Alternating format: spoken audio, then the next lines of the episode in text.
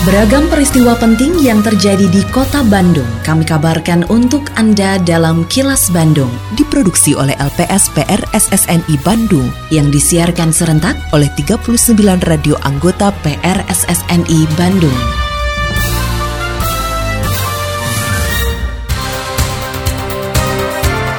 Sejumlah informasi aktual kami hadirkan untuk Anda dan inilah informasi utamanya. Wali Kota resmikan penataan kawasan alun-alun Kota Bandung. Kota Bandung bersiaga antisipasi bencana. Pembangunan Skywalk Cihampelas tahap 2 selesai tahun depan. Saya Santika Sari Sumantri, inilah kilas Bandung selengkapnya.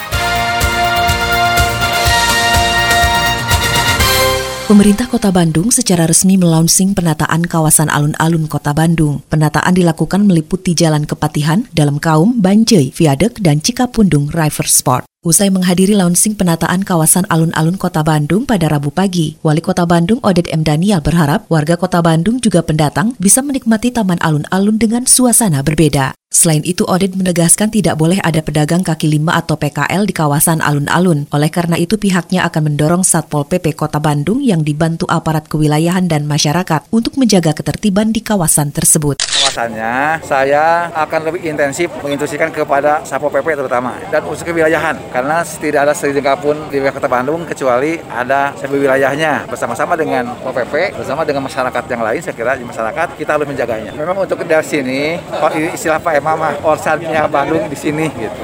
Jadi kita memang kawasan alun-alun ini terutama di yang Kepatian sama alun-alun ini saya kira ya kita buat seperti ini ya. Mudah-mudahan saya berharap tadi makanya tidak boleh ada seorang pun PKL yang tumbuh di sini.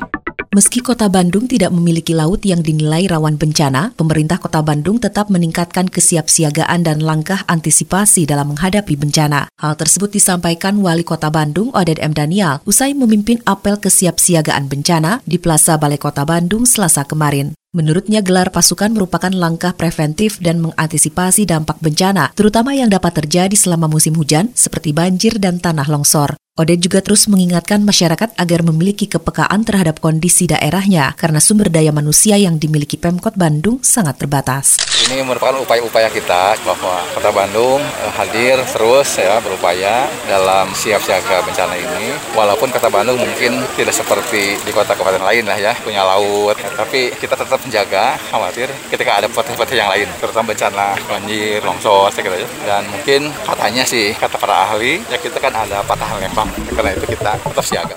Dinas Kebakaran dan Penanggulangan Bencana atau Diskar PB Kota Bandung sudah memetakan sejumlah titik rawan bencana di Kota Bandung. Kepala Diskar PB Kota Bandung, Dadang Iriana, mengatakan ada sejumlah titik di Kota Bandung yang rawan bencana, seperti tanah longsor dan kebakaran. Untuk menguatkan peran kewilayahan dalam menangani bencana, Diskar PB sudah membentuk kelurahan siaga bencana di lima kelurahan yang rawan bencana kebakaran. Selain itu pihaknya juga mengimbau masyarakat tidak membuat bangunan di pinggir tebing dan sungai karena beresiko terjadi banjir dan longsor. Titiknya itu sudah ditentukan karena terutama lawan longsor dan uh, bencana kebakaran. Kalau longsor itu kawasan utara terutama Coblong ya gitu Kusi Dadap kemudian Mandala Jati dan yang lain. Kalau untuk kebakaran yang tadi Kelurahan Tangguh ini ada lima sementara dianggarkan ada lima. Kalau diwaspadi di, di Kota Bandung dengan banjir ini ini untuk tetap mereka ini mengantisipasi ya untuk rumah-rumah ini jangan berada di pinggiran tebing seperti itu kemudian juga di pinggir sungai dan di sepadan sungai. Seperti itu yang harus diwaspadai beberapa kali.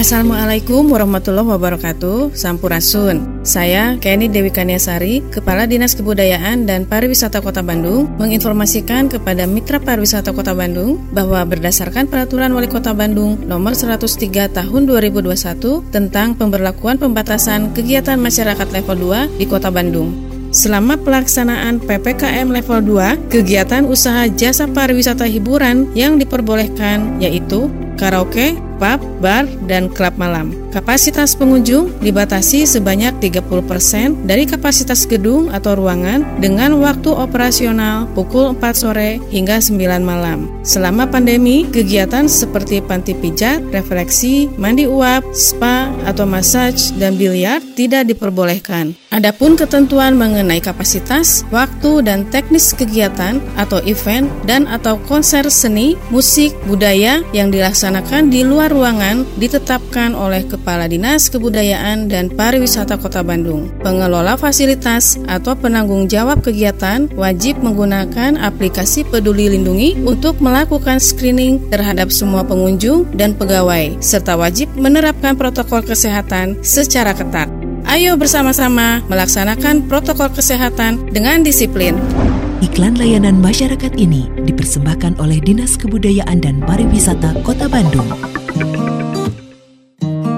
Pernah dengarkan fintech lending atau pinjaman online? Pinjaman online memungkinkan Anda meminjam uang tanpa harus datang ke bank. Cukup dari aplikasi smartphone kapan dan di mana aja. Tapi jangan karena praktis dan mudah jadi asal meminjam ya. Pastikan Anda selalu membaca syarat dan ketentuan seperti tenor pinjaman, bunga pinjaman dan denda apabila ada keterlambatan. Pinjam sesuai kemampuan bayar dan untuk keperluan produktif bukan untuk konsumtif. Dan paling penting nih, pastikan legalitas pinjaman online tersebut sudah resmi terdaftar di OJK. Cetak legalitasnya di www.ojk.go.id atau telepon call center OJK di 157.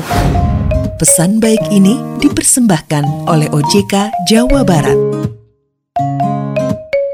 Pemerintah Kota Bandung berkomitmen akan terus memberikan pelayanan kepada masyarakat secara maksimal meski masih di tengah pandemi COVID-19 yang penuh dengan keterbatasan. Wakil Wali Kota Bandung, Yana Mulyana, mengatakan untuk memudahkan masyarakat mendapatkan pelayanan dan informasi di masa pandemi, Pemkot Bandung terus mengembangkan berbagai aplikasi di setiap organisasi perangkat daerah atau OPD. Dengan begitu, masyarakat masih bisa dengan mudah mengakses berbagai layanan publik pemerintah Kota Bandung tanpa harus datang ke kantor OPD. Insya Allah lah, selama ini kami di tengah pandemi ini berupaya memberikan pelayanan publik itu mengurangi interaksi antara pemerintah dengan masyarakat. Dan mudah-mudahan kami terus bisa mengembangkan mengembangkan berbagai aplikasi atau apa pun untuk bisa memberikan kemudahan lah ya. Saat ini telepon genggam itu sudah jadi satu hal yang lazim bagi masyarakat sehingga masyarakat juga bisa mendapatkan informasi apa pun mengenai pemerintah Kota Bandung cukup di rumah atau melalui aplikasi lah.